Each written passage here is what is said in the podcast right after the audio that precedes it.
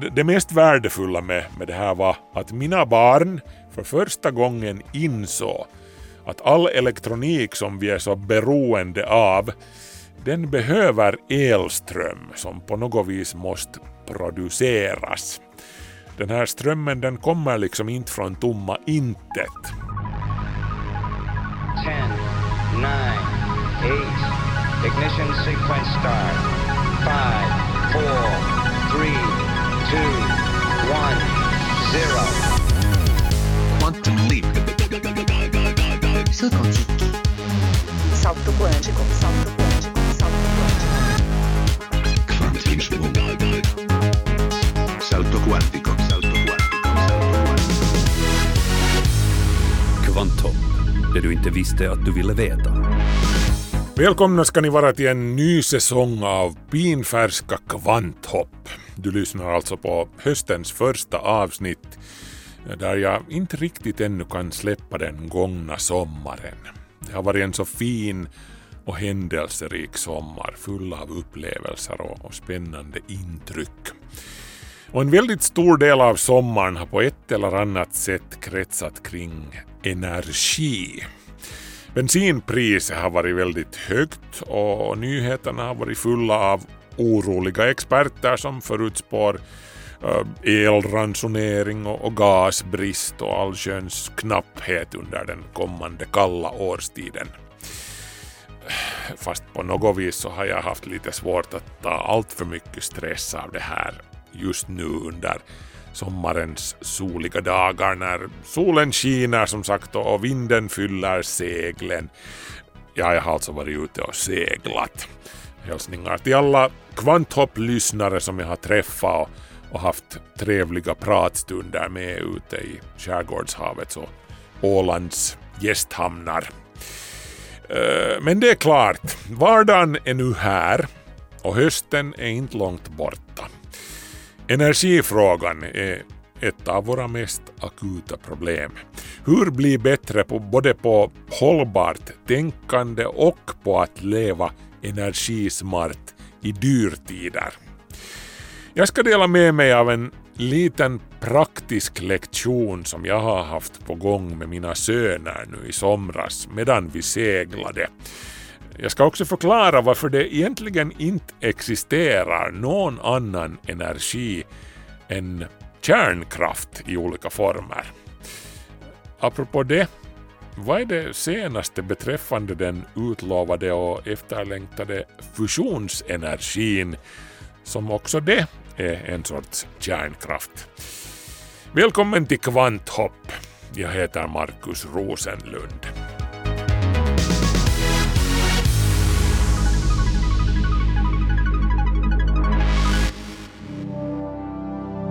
Jo, som sagt alltså, jag har varit ute och seglat med familjen nu i sommar ombord på vår SU Astrid. En OE38 byggd i slutet av 80-talet. Och det har inte känts helt fel med just en segelbåt när man har sett summorna som motorbåtsägarna har fått hosta upp vid sjömackarna nu i sommar. Jag menar visst, segling är under inga omständigheter en billig hobby. Båten kräver en massa dyrt underhåll och, och försäkringar och allt det där andra. Men vinden är ju de facto fortfarande gratis. Det kan hända att nästa regering ändrar på den saken och inför någon sorts vindskatt. Eh, men tills vidare kostar det ingenting att fylla en spinnaker till bredden med sydvästlig bris.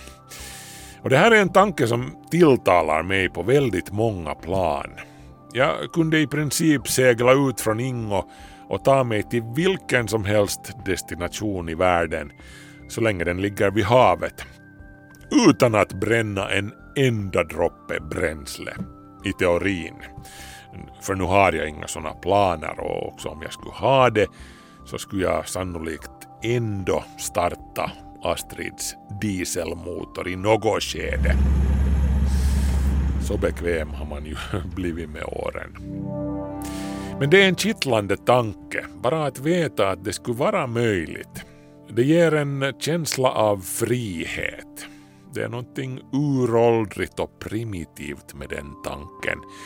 Att bara släppa alla förpliktelser och, och måsten och, och ge sig ut och följa solen och, och vindarna. Se vad som finns på andra sidan horisonten. Lite som min ungdomshjälte Sven Lundin, eller Sven Yrvind, som han kallar sig numera. Jag rekommenderar varmt hans bok om äventyren med de självbyggda brisbåtarna. Yrvind är just nu 83 år gammal och planerar som bäst en ensamsegling runt jorden eller åtminstone till södra Chile dit minns jag att han sa att han ville fara. And one of the most important things seawater boat is keeping the water outside. No, jo, men nu har jag alltså inte några sådana planer. Hälsningar till frun om hon lyssnar. Ta det lugnt bara.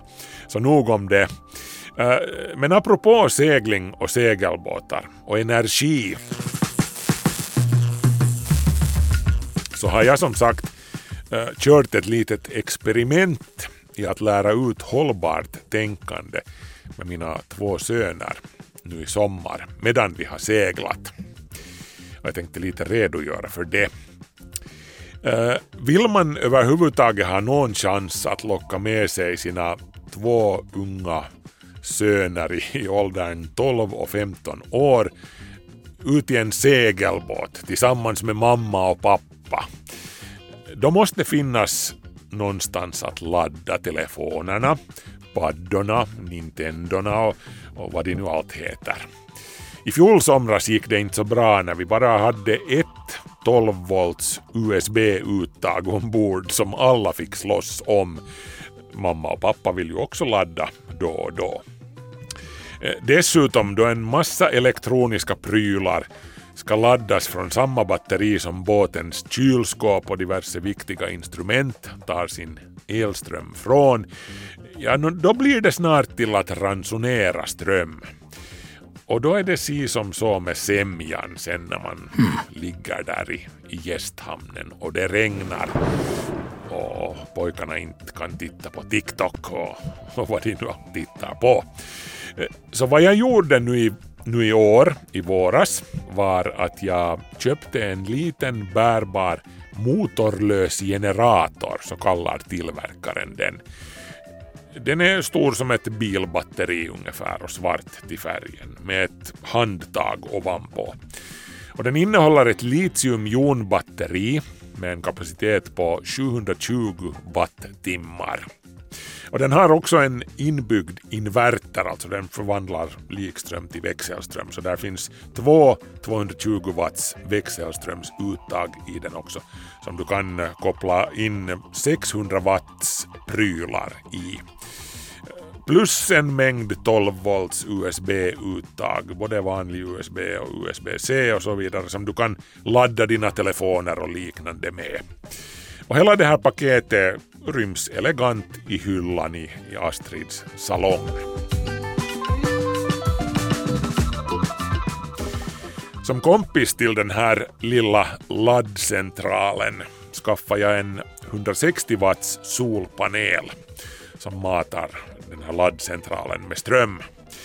Och spelregeln som jag förklarar för mina söner var alltså den här. Ni får ladda era telefoner och spelkonsoler och, och andra prylar och hörlurar och stuff och det ena och det tredje så mycket ni vill inom energibudgetens ramar. Ni ungar får ta personligt ansvar för att hålla koll på att Solpanelen är optimalt vänd mot solen. Var står solen om kvällen i förhållande till hur vår båt ligger förtöjd? Ni måste kolla på kompassen. Var går den upp sen på morgonen så att ni kan fånga solens första strålar också medan ni ligger där och sover? Hur mycket ström finns det i batteriet? Eh, hur långt räcker den här strömmen om prylarna som är kopplade till batteriet drar si och så många watt?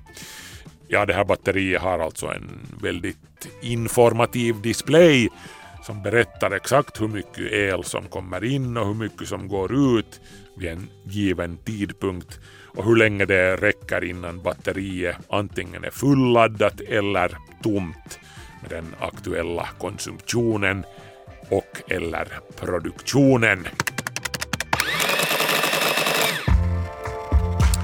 Andra saker som man behöver hålla koll på är sen som sådana saker som att hur påverkar det solpanelens elproduktion om det inte är helt klart solsken och hur får vi då anpassa konsumtionen därefter. Nå, nu behövde pojkarna inte börja ransonera el ens under de dagar då det tidvis var mulet. Solpanelen levererar nog tillräckligt med ström också trots molnen.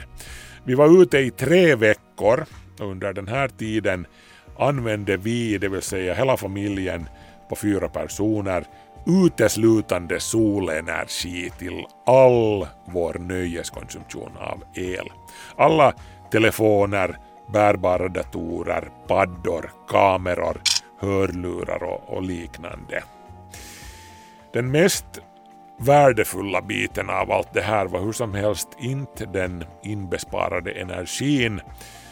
Och jag menar inte sparar jag ju några pengar på det här. De här prylarna som jag köpte kostar ju en massa pengar. Så, eh, så nej, alltså det mest värdefulla med, med det här var att mina barn för första gången insåg att all elektronik som vi är så beroende av den behöver elström som på något vis måste produceras.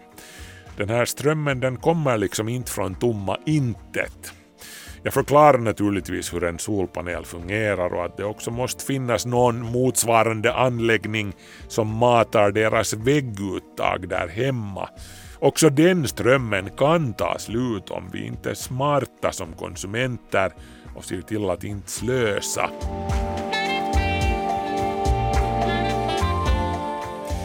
Och jag förklarar också att så som det har varit hittills så har strömmen från vägguttaget till största delen producerats genom att bränna 400 miljoner år gamla fossiliserade ormbunkar och skogar. Vilket sen har haft och kommer att ha många otrevliga följder för hela jorden och vår framtid här. Ja, den här alisörjan som vi plöjde igenom utanför Utö, kommer ni ihåg den pojkar? Den är också en del av det problemet.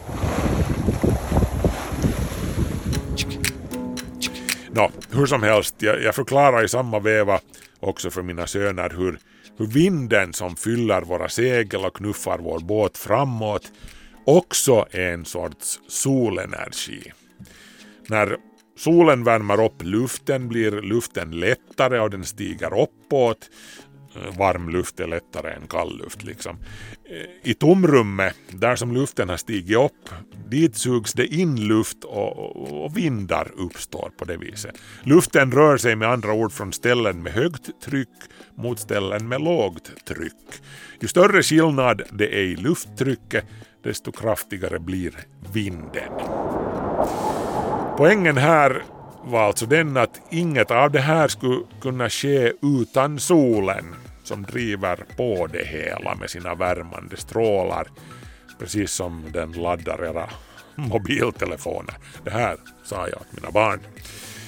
Och grejen är ju alltså att en annan pappa eller mamma i en motorbåt på andra sidan bryggan i princip skulle kunna hålla samma lektion för sina barn. En motorbåt skulle inte heller röra på sig om solen inte i något skede skulle ha bidragit med sin värme. I en segelbåt är solens inverkan bara lite mer direkt. En motorbåt drivs alltså med energin från solsken som värmde jorden för länge sedan, före dinosauriernas tid och fick växterna att växa. Eh, växter som sen under enorma tidsrymder förvandlades till olja olja som gjordes till dieselbränsle som nu får eh, båtens motor att gå runt när den brinner och de expanderande heta gaserna knuffar på motorns kolvar. Så här skulle alltså motorbåtspappan förklara åt sina barn. Och min poäng här är alltså den att i princip så kan man säga att all form av kraft som bygger på att man bränner saker indirekt bygger på solenergi. Eh, det behöver inte vara fossiliserade växter, också färskt trä bygger ju på solenergi. Ifall att du har en ångmaskin i, i maskinrummet som du driver med vedklabbar eller vilken annan organisk materia som helst som du bränner. Också det är solenergi med fördröjning. Alltså, vi sammanfattar. Solenergin som min solpanel lagrar i laddstationen och som mina barn laddar sina spelkonsoler med är, ja, no, den är solenergi. Vinden som driver segelbåten den är indirekt solenergi i och med att det är solens värme som får luften att röra på sig. Fossila bränslen som driver motorbåten är också solenergi, bara hundratals miljoner år gammal sådan. Veden som du eldar under din ångpanna eller i din bastukamin är likaså indirekt solenergi. Och maten som du äter är ju sen också solenergi, så du går själv på solenergi. Du, du existerar tack vare solenergi. Utan solen skulle alla atomerna i din kropp aldrig har bildat dig. De skulle bara ligga och skräpa på en tom och livlös slätt som på Pluto långt ute på solsystemets mörka bakgård. Så jag kunde ha sagt åt mina pojkar att det egentligen bara existerar solenergi i världen. All aktivitet och rörelse på jorden går på något sätt att spåra till solen. Fast eh, ett ögonblick. Riktigt så enkelt är det ju inte. Den här sommaren, liksom de senaste åren, jag vet inte hur många år den här diskussionen har pågått, har Olkiluoto 3 varit ett av de stora samtalsämnena.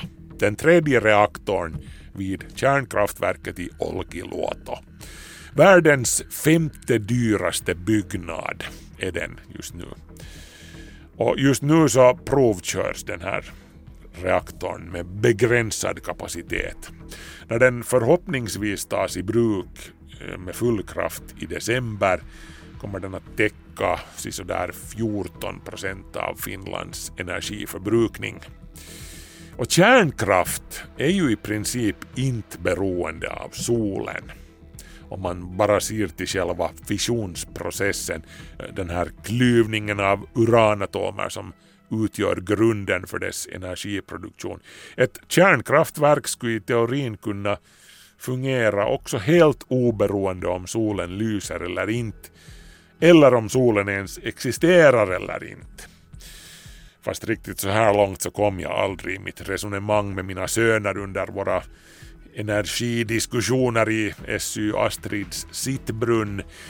Men, ja, kan man då säga alltså att, att det egentligen bara existerar två sorters energi i världen. Solenergi, antingen direkt eller indirekt, och kärnkraft. Det där som får Olkiluoto att mala elström det bygger ju alltså på att det finns grundämnen som är naturligt instabila. Och, och det är för övrigt inte begränsat till kärnkraftverkens reaktorer. Radioaktiva grundämnen faller sönder spontant hela tiden, varje dag, i luften, i berggrunden, till och med inuti våra kroppar och, och de frigör i processen energi. Ta nu till exempel den radioaktiva kaliumisotopen kalium-40 som är det vanligast förekommande radioaktiva grundämnet i en människokropp. Kalium finns i många livsmedel som vi äter. Våra kroppar skulle inte fungera korrekt utan kalium. Det finns nästan i alla vävnader i kroppen. Och en liten del av det kaliumet är som sagt av isotopen kalium-40 som är radioaktiv, det vill säga instabil. Det sönderfaller spontant. Mängden kalium-40 i en person på 70 kilogram eh, motsvarar cirka 5000 becquerel vilket representerar 5000 atomer som genomgår radioaktivt sönderfall varje sekund. Så om du är på strålande humör så kan det bero på att du är det. Strålande. Men det här är ingen orsak till panik det här för allt levande har utvecklats i ständig närvaro av en viss mängd bakgrundsstrålning. Våra kroppar är utrustade för att hantera små mängder strålning. Också från andra kroppar. Jag menar bara att sova bredvid någon betyder att man utsätter sig för en viss mängd strålning. Och har vi nu sagt A så får vi väl säga B. Hur mycket strålning fick jag i mig från min hustru eller vice versa när vi sov bredvid varandra i SU Astrids förpik? För att sätta det här i perspektiv kan vi tala om den bananekvivalenta dosen. Bananer innehåller mycket kalium så de, de ger ett användbart mått för strålning. Och så här är det alltså att sova bredvid min hustru i åtta timmar i båtens förpik eller var som helst annanstans ger mig en bananekvivalent dos på ungefär en och en halv banan. Men nu skulle jag inte förlora någon nattsömn över det här om du råkar sova bredvid någon om nätterna. Jag menar, inte är du rädd för att äta en och en halv banan heller, vilket ger ungefär lika mycket strålning.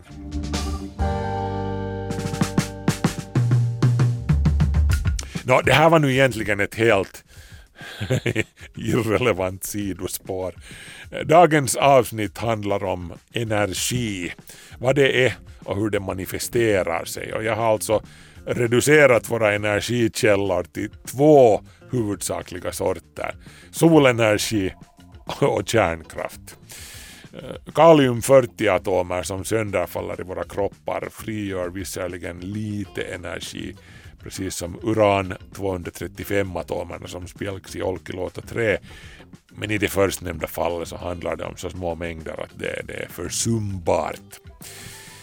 Dessutom, ska vi nu börja klyva hår här utöver atomer så håller inte hela mitt resonemang om att det all energi antingen är solenergi eller kärnkraft. För också solenergi är nämligen kärnkraft innerst inne. Jag sa det här redan i början av avsnittet att all energi är egentligen kärnkraft.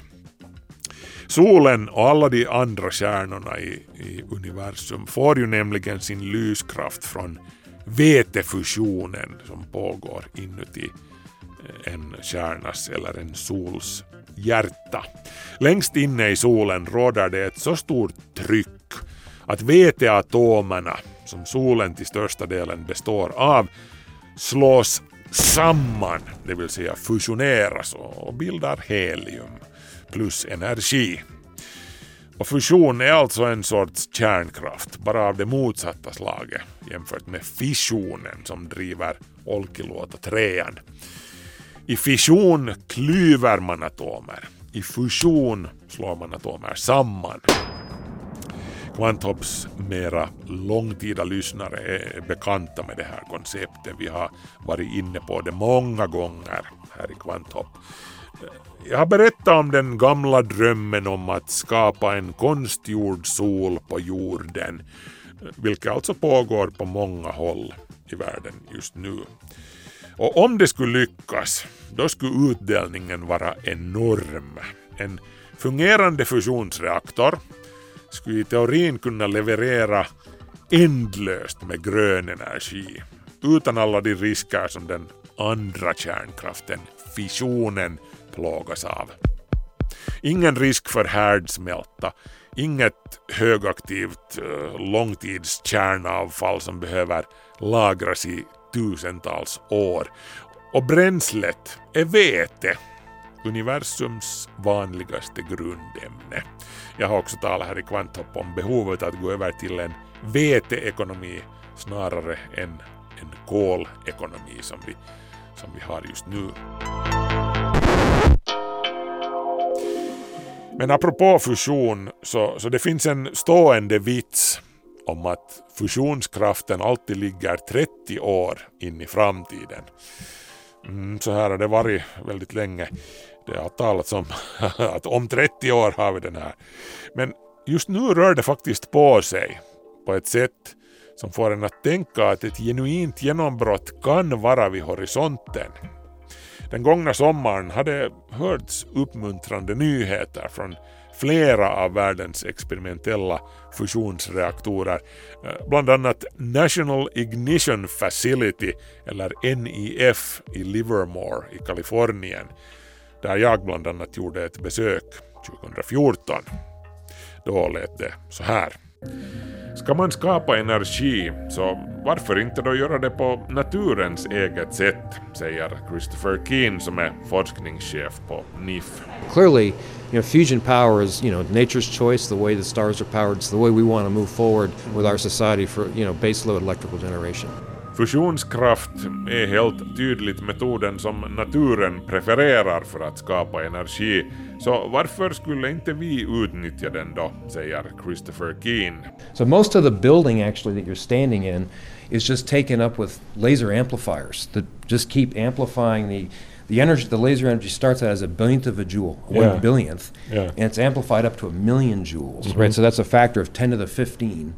And it does that by sending the laser light back and forth through this amplifying media, laser glass, and there's a piece of it right there. So a lot Laserpulsen börjar med en energi på en miljarddels joule. När den når sin klimax är den uppe i en miljon joule. Och i det här skedet händer allting väldigt fort. NIF skjuter för övrigt i genomsnitt en enda gång om dagen. But when it shoots, it puts out 500 terawatts of power, which is about 500 times the entire U.S. electrical generating capacity. So it puts out that power for about a billionth of a second, right? So it puts it out for a short time. So the amount of energy is, is reasonable. Under 10 miljarddelar av en sekund laddar NIF ur sig 500 terawatt. Det här motsvarar 500 gånger USAs hela energikapacitet, fast under en så kort tid att den faktiska energiförbrukningen sist och slutligen blir rätt liten. Shot director, ready for shot. Start the countdown for shot on my mark. Clock is running. Minus 10, 9, 8, 7, 6, 5, 4, 3, 2, 1. Shot.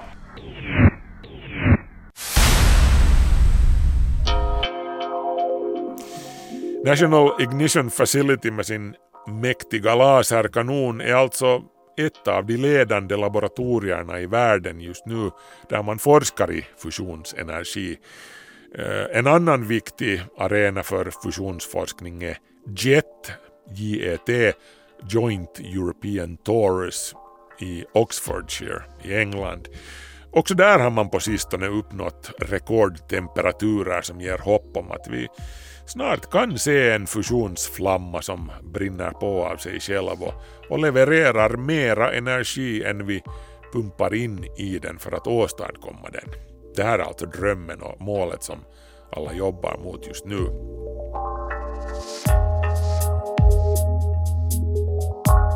Och så här går det alltså till. Inuti en fusionsreaktor genererar man alltså överhettade gaser som kallas plasma där de här själva fusionsreaktionerna äger rum. Man hettar upp det med olika metoder med laser eller med mikrovågor som är kanske det vanligaste sättet. Äh, de här laddade partiklarna i plasmat de hålls hur som helst sen på plats av kraftfulla magnetfält. Och där inuti den här reaktorns hjärta där det här plasmat virvlar omkring så kan det alltså nå temperaturer på 150 miljoner grader Celsius, vilket är ofattbara tio gånger varmare än i solens kärna. Men just att uppehålla det här plasmat och få den konstgjorda solen att lysa vidare utan att hicka, det är inte helt lätt om vi säger så. Så mycket experimenterande krävs och, och erfarenheterna från till exempel JET i England kommer sen att användas för den riktigt stora baddaren i det här sammanhanget.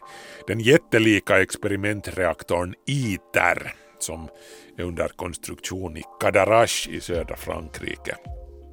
ITER som alltså byggs som ett samarbete mellan 35 nationer inklusive EU-länderna inklusive Finland, eh, är en av de mest komplicerade maskinerna som någonsin har byggts och en av de dyraste också för den delen.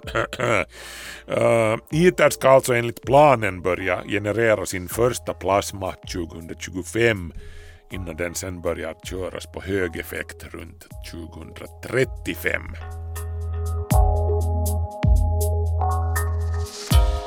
Min personliga favorit är hur som helst den tyska så kallade stellaratorn Wendelstein 7X på Max Planck-institutet för plasmafysik i Greifswald. Också där har plasmarekorden duggat tätt på den senare tiden. Eh, både en stellarator och den mera traditionella tokamak-reaktorn som den kallas är torusformade, alltså som stora munkringar men stellaratorn den använder ett spiralformat magnetfält för att hålla det här plasmat flytande. Det här är en teknik alltså som är mindre beprövad men som har den fördelen att den teoretiskt sett kan vara i kontinuerlig drift medan tokamaker de, de jobbar sen mera i pulser där plasmat värms upp och hålls stabil i, i några minuter kanske och sen kollapsar det hela. Vi får se vilken teknik som sen visar sig vara, vara bättre.